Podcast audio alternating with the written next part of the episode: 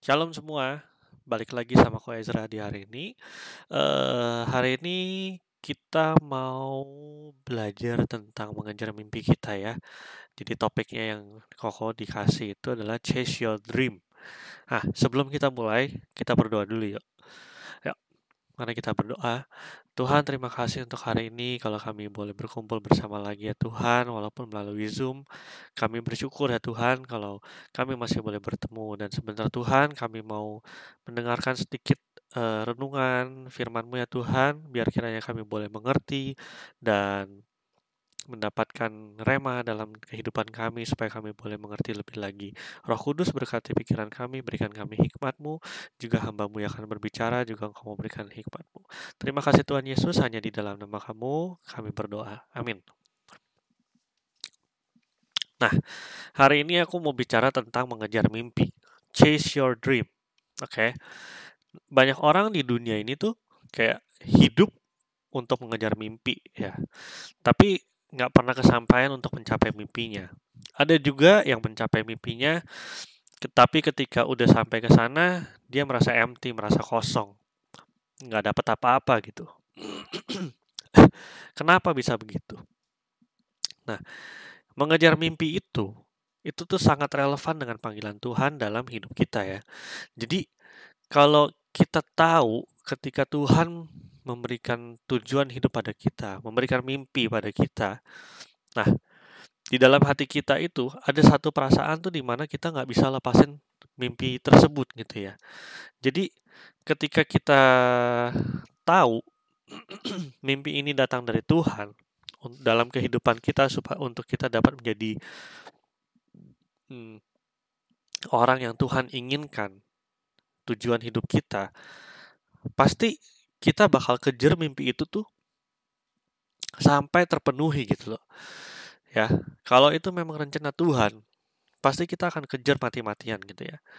Dan mimpi itu tuh nggak semena-mena dalam artian kita bermimpi jauh-jauh, misalkan uh, jadi apa atau apa gitu. Ya bisa aja sih itu mimpi, tapi mimpinya dari siapa? Mimpi kita kah atau mimpi dari Tuhan gitu ya. Nah, yang hari ini aku mau bilang, yang hari ini aku mau biar kita bisa sama-sama belajar adalah bagaimana tuh kita bisa mengejar mimpi dan kita bisa tahu mimpi yang dari Tuhan untuk dapat menjadi tujuan hidup kita, untuk kita dapat menjadi uh, orang tersebut gitu ya di masa depan.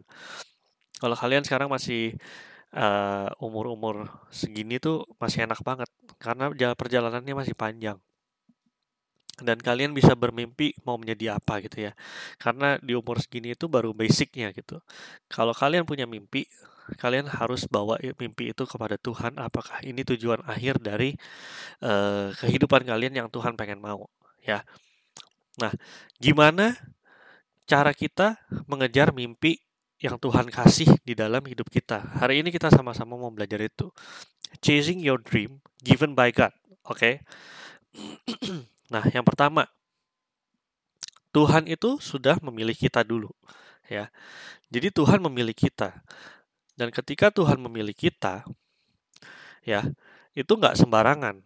Ini ada ayatnya di 1 Tesalonika 1 ayat 4. For we know, brothers and sisters, loved by God, that He has chosen you.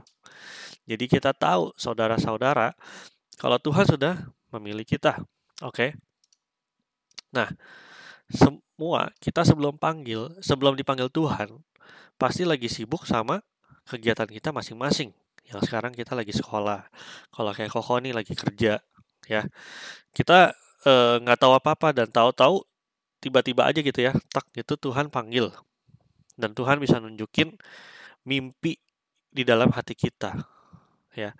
Panggilan Tuhan itu bisa datang dari mana aja dan salah satunya adalah mimpi. Ini aku mau ambil contoh ya, yaitu Daud ya. Sebelum Daud jadi raja, dia itu cuma seorang pengembala domba. Tahu-tahu Tuhan panggil dan ditahbiskan sama Samuel untuk menjadi raja dan waktu itu Daud masih sangat muda. Kalau di Alkitab dibilang pipinya kemerah-kemerahan. Dan pada saat itu ketika dia sudah ditahbiskan oleh uh, Samuel, itulah yang menjadi mimpi Daud. Yaitu menjadi raja atas Israel, ya. Itu yang jadi mimpi Daud, menjadi raja atas Israel. Nah, kita itu juga bisa jadi kayak Daud ya. Sewaktu-waktu kita bisa dibangunkan Tuhan untuk menjalani hidup kita kepada tujuan yang lebih besar. Mimpi yang Tuhan taruh di dalam hati kita, di dalam pikiran kita. Nah, itu yang harus kita tahu. Kita ini sudah dipilih sama Tuhan. Ya, kita ini semua chosen dan kita punya tujuan masing-masing. Ketika Tuhan memilih kita, dia sudah menyiapkan tujuan akhir kita. Mimpi itu, ya, mimpi kalian itu bisa jadi tujuan akhir kalian. Jadi, yang pertama itu kita harus tahu kalau Tuhan itu memilih kita untuk mimpi yang sudah Dia tetapkan. Dan Dia akan menetapkan mimpi itu dan menaruh di dalam diri kita. Jadi, coba kalian cari mimpi apa yang Tuhan taruh dan Tuhan tetapkan di dalam hidup kalian. Ya, kalau sudah ketemu, nah kita bawa ke Tuhan, kita jalankan ya. Kita jalankan karena kenapa kalau kita udah tahu itu mimpi dari Tuhan, semua akan gampang ya. Kayak yang kedua ini. Yang kedua, Tuhan memberikan kita talenta. God gives you gifts, oke? Okay? Gifts-nya untuk apa? Gifts untuk kita dapat mencapai ke mimpi kita tersebut. Ya, kayak ayatnya di Amsal 18 ayat 16. A gift opens the way and usher the giver into the presence of the great. Kita baca versi Indonya. Oke. Okay.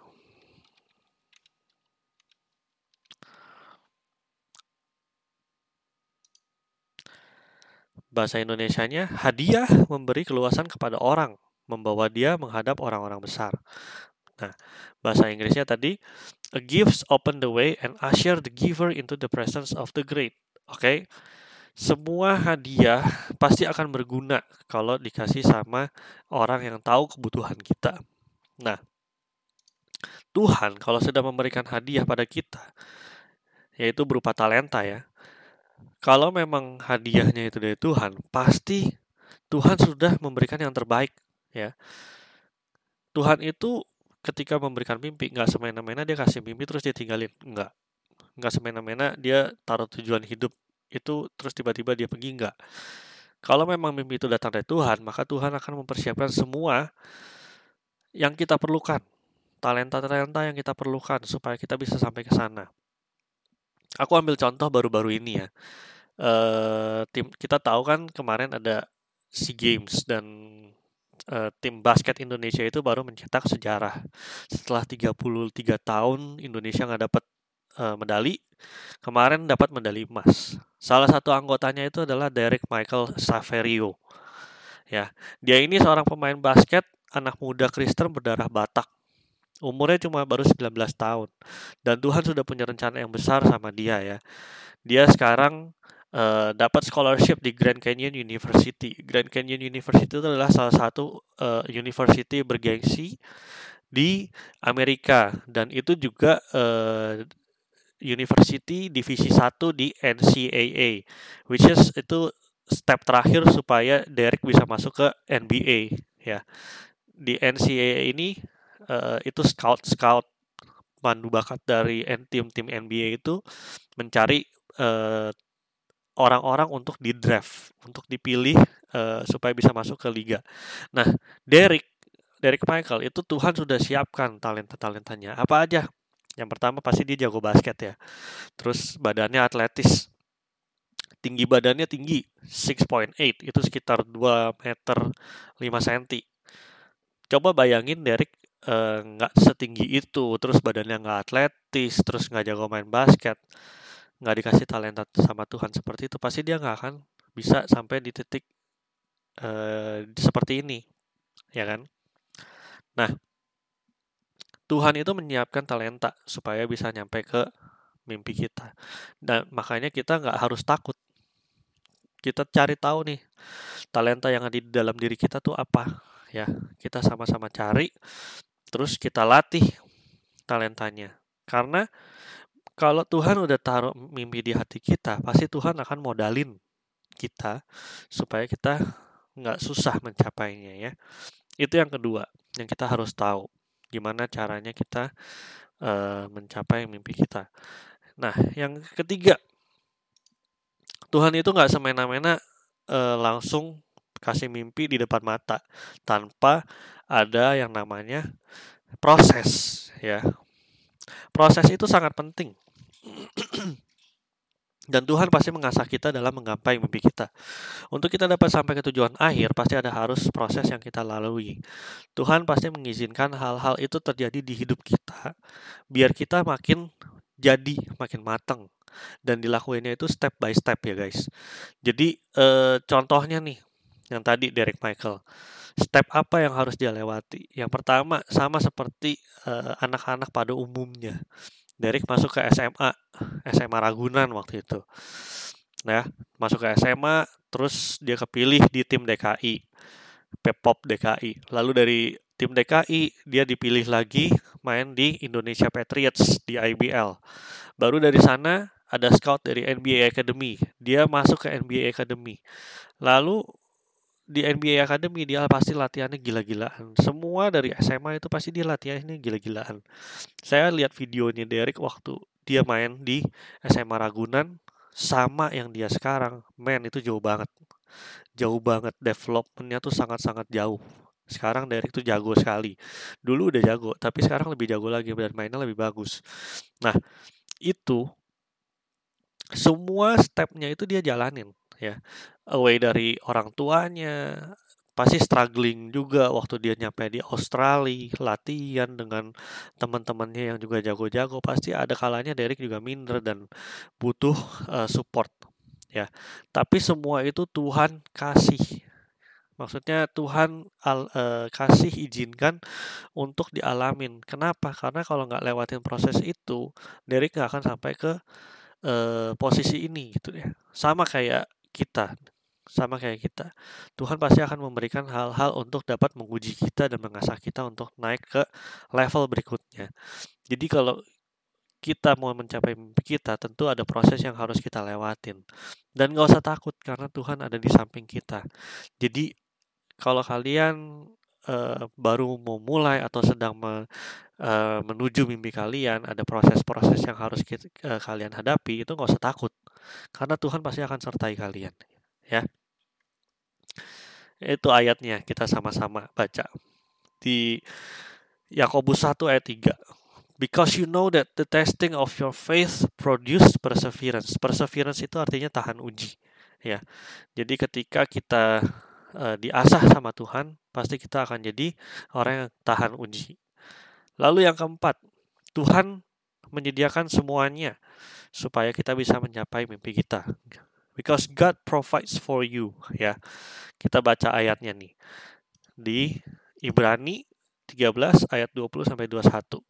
Now may the God of peace, who through the blood of the eternal covenant brought back from the dead our Lord Jesus, that great shepherd of the sheep, equip you with everything good for doing his will, and may he work in us what is pleasing to him through Jesus Christ, to whom be glory forever and ever.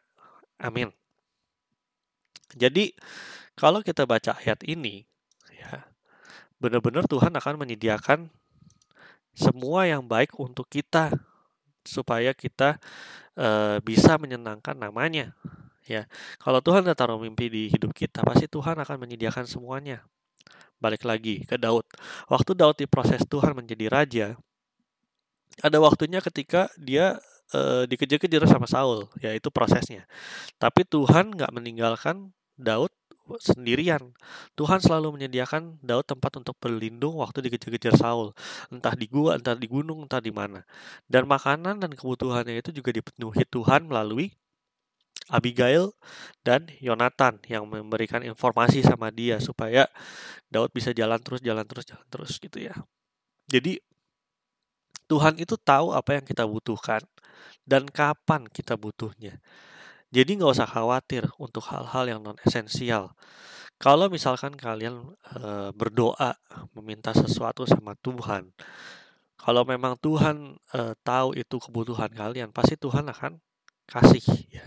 Kalau kalian eh, belum dapat, mungkin bukan saatnya sekarang gitu ya. Mungkin belum. Atau mungkin itu bukan kebutuhan kalian. Makanya kita juga harus peka ya dalam mendoakan sesuatu supaya itu jadi milik kita itu, kita harus peka. Dan yang pasti Tuhan itu tahu apa yang kita butuhkan dan kapan kita butuh itu. Jadi nggak usah khawatir untuk hal-hal yang non esensial. Kita cukup melakukan tugas kita untuk dapat mencapai mimpi kita. Sisanya Tuhan pasti sediakan. Oke. Okay? Nah, next yang kelima. God gives you direction. Tuhan pasti akan mengarahkan kita. Ya. Kayak ayatnya di Mazmur 32 ayat 8. I will instruct you and teach you in the way you should go. I will counsel you with my loving eye on you. Jadi benar-benar kita nggak akan ditinggalkan sama Tuhan. Yang namanya persimpangan perjalanan pasti kita akan temuin di dalam hidup kita, dalam mencapai mimpi kita. Ada kalanya kita salah jalan, kita salah ngambil, tapi Tuhan akan mengarahkan kita kembali ke jalan yang benar supaya kita bisa sampai di tujuan mimpi kita. Maka dari itu kita mesti benar-benar beriman dan peka dan berdoa terus-menerus kepada Tuhan. Karena doa itu adalah alat komunikasi. Ya, ya WhatsAppnya kita sama Tuhan. Kita teks Tuhan Yesus dalam doa kita. Tuhan, gimana nih caranya gini gini gini gini. Ya, kita mesti benar-benar berdoa dan beriman, minta petunjuk supaya jalan kita itu benar-benar diarahin dan kita bisa sampai di tujuan akhir kita untuk mengejar mimpi kita. Oke? Okay? Karena Tuhan itu pasti akan memberikan kita uh, arahan. Entah itu nanti dari kakak pembina ketika kalian sharing atau dari orang tua kalian ketika kalian tanya orang tua atau ketika uh, dari teman-teman kalian juga bisa ya. Dan ini berhubungan sama yang keenam yaitu God confirms your dream. Tuhan mengkonfirmasi mimpi kalian. Ini Tuhan akan menggunakan orang-orang di sekitar kita. God uses other people to confirm our dreams. Oke. Okay? Ya, ini kayak ayatnya nih di 2 Petrus 1 ayat 10. Therefore my brothers and sisters, make every effort to confirm your calling and election. Ya kita harus menguji mimpi kita dan kita harus mengkonfirmasi mimpi kita. Apakah mimpi kita itu yang terbaik untuk kita dan datangnya dari Tuhan? Contoh, waktu Daud menjadi raja, orang yang pertama kali mengkonfirmasi mimpinya itu adalah Nabi Samuel, Imam Samuel. Lalu Tuhan memberikan konfirmasi lagi melalui siapa? Yonatan dan Abigail. Ya. Jadi Tuhan pasti akan mengarahkan orang-orang di sekitar kita supaya eh, dalam perjalanan itu ke depannya kita tahu gitu loh oh ini mimpi yang Tuhan pengen taruh di dalam hidup kita dan kita juga harus peka karena pasti Tuhan akan menempatkan orang-orang yang pas dan untuk mengkonfirmasi mimpi kita. Bisa jadi dari orang tua kita, dari teman kita, dari kakak-kakak pembina kita di gereja, dari guru-guru kita, dari coach kita. Anyone that close to us can be used by God to confirm our dream. Jadi yang perlu kita lakukan hanya berjalan ke depan dan pada waktunya akan datang orang-orang yang akan mengkonfirmasi mimpi kalian ketika kalian konsultasikan hal itu kepada Tuhan dan Tuhan akan menaruh orang-orang tersebut di dalam hidup kalian untuk dapat mengejar mimpi kita. Oke. Okay? And this is the last one. God follows through in his timing, ya. Kayak ayatnya di Filipi 1 ayat 6. Being confident of this, that he who began a good work in you will carry it on to completion until the day of Christ Jesus. Ya, jadi kita nggak perlu takut karena Tuhan pasti akan menyelesaikan uh, pekerjaannya dalam hidup kita ya. Jadi kalau Tuhan sudah sampai kan mimpi kita udah ditaruh di sini nih sama Tuhan nih udah ditaruh di sini kita mau jadi apa dan mau ke mana Tuhan pasti akan menyelesaikan semuanya dan semua itu ada timingnya mencapai mimpi kita itu kita nggak tahu timeline frame frame timeline itu sampai kapan kita nggak tahu Uh, bisa nanti pas umur 60, bisa jadi pas umur 20 kalian udah sampai mimpi kalian. Who knows? Kita nggak ada yang tahu time frame-nya Tuhan, ya. Jadi kita cuma bisa bersandar dan percaya sama timingnya Tuhan aja ya waktu Daud menjadi raja Daud juga nggak pernah tahu kan kapan dia jadi raja sampai akhirnya Tuhan yang menentukan ketika Saul dipanggil sama Tuhan selesai gitu ya nah sama kalau mimpi kita kalau dari Tuhan kita juga nggak tahu kapan habisnya ya one last example Jeremy Lin Jeremy Lin ini adalah the first Asian American yang main di NBA ya setelah Yao Ming. Yao Ming itu dari China bedanya. Kalau Jeremy Lin ini Asian American, which is he is an American gitu ya. Nggak ada yang tahu tiba-tiba waktunya dia jadi superstar di New York Knicks waktu itu. New York Knicks itu tim NBA main basket. Dan only by his timing Jeremy Lin bisa jadi superstar di sana. Proses yang dia alamin juga sama. Dari nobody ya from zero to hero gitu ya waktu di New York Knicks debutnya itu di NBA waktu umur 23 ya waktu dia jadi terkenal di New York Knicks dan dia benar-benar jadi fenomenal fenomenal gitu. Linsanity saya ngikutin karena saya pecinta basket jadi saya tahu dan ujung-ujung mimpinya dia menjadi juara NBA Asian uh, Asian descendant pertama yang dapat NBA ring, NBA champion. Itu pada umur berapa? Pada umur 31. 8 tahun. Dan untuk jadi NBA champion gak semua bisa dapat. Bahkan yang superstar pun ada yang sampai udah 13 14 tahun main di NBA nggak dapet. Belum bisa juara. Tapi karena itu mimpi yang ditaruh Tuhan di Jeremy Lin, makanya bisa kesampaian dia ya. Tuhan punya waktunya dan kita nggak tahu kapan. Jadi kalau kalian sekarang masih bermimpi, masih uh, masih jauh lah ya istilahnya, kalian harus benar-benar berdoa, bekerja keras, dan mimpi kalian itu benar-benar harus kalian pegang ya. Jadi ini chase your dream, dream it, work for it, pray for it. Oke. Okay? Kok nggak panjangin, cukup di situ ya. Kalau kalian mau konsultasi, mungkin kalian ada apa namanya, ada Tuhan taruh mimpi-mimpi di dalam hidup kalian. Kalian bisa cari kakak-kakak pembina, ada kok Excel, ada Ci, Ci Charlie, uh, Kavita dan yang lain-lain juga ada Koko kalau kalian pengen ngobrol-ngobrol maybe ya kita siap dan kita pasti akan membantu kalian sampai ke sana. Oke? Okay? Dan yang pasti benar-benar kalian harus uji mimpinya, konfirmasi juga. Kalian kerja keras sampai ke sana dengan talenta yang Tuhan sudah berikan dan yang paling penting adalah selalu berkomunikasi dengan Tuhan melalui apa? Berdoa. Oke? Okay? Oke. Okay.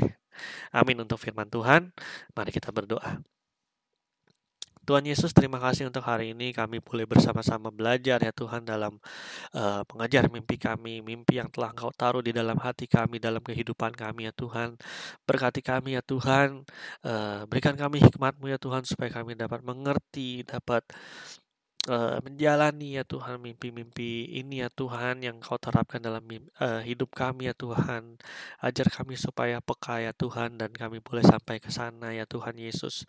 Bantu kami untuk dapat melewati semua ini ya Tuhan Yesus. Terima kasih Tuhan Yesus, terima kasih Engkau Allah yang baik dan kami serahkan seluruh uh, masa depan kami, kehidupan kami, mimpi kami ke dalam tanganmu. Terima kasih Bapa, hanya di dalam nama Tuhan Yesus kami berdoa dan mengucap syukur. Amin. Oke okay guys, see you later. Bye-bye.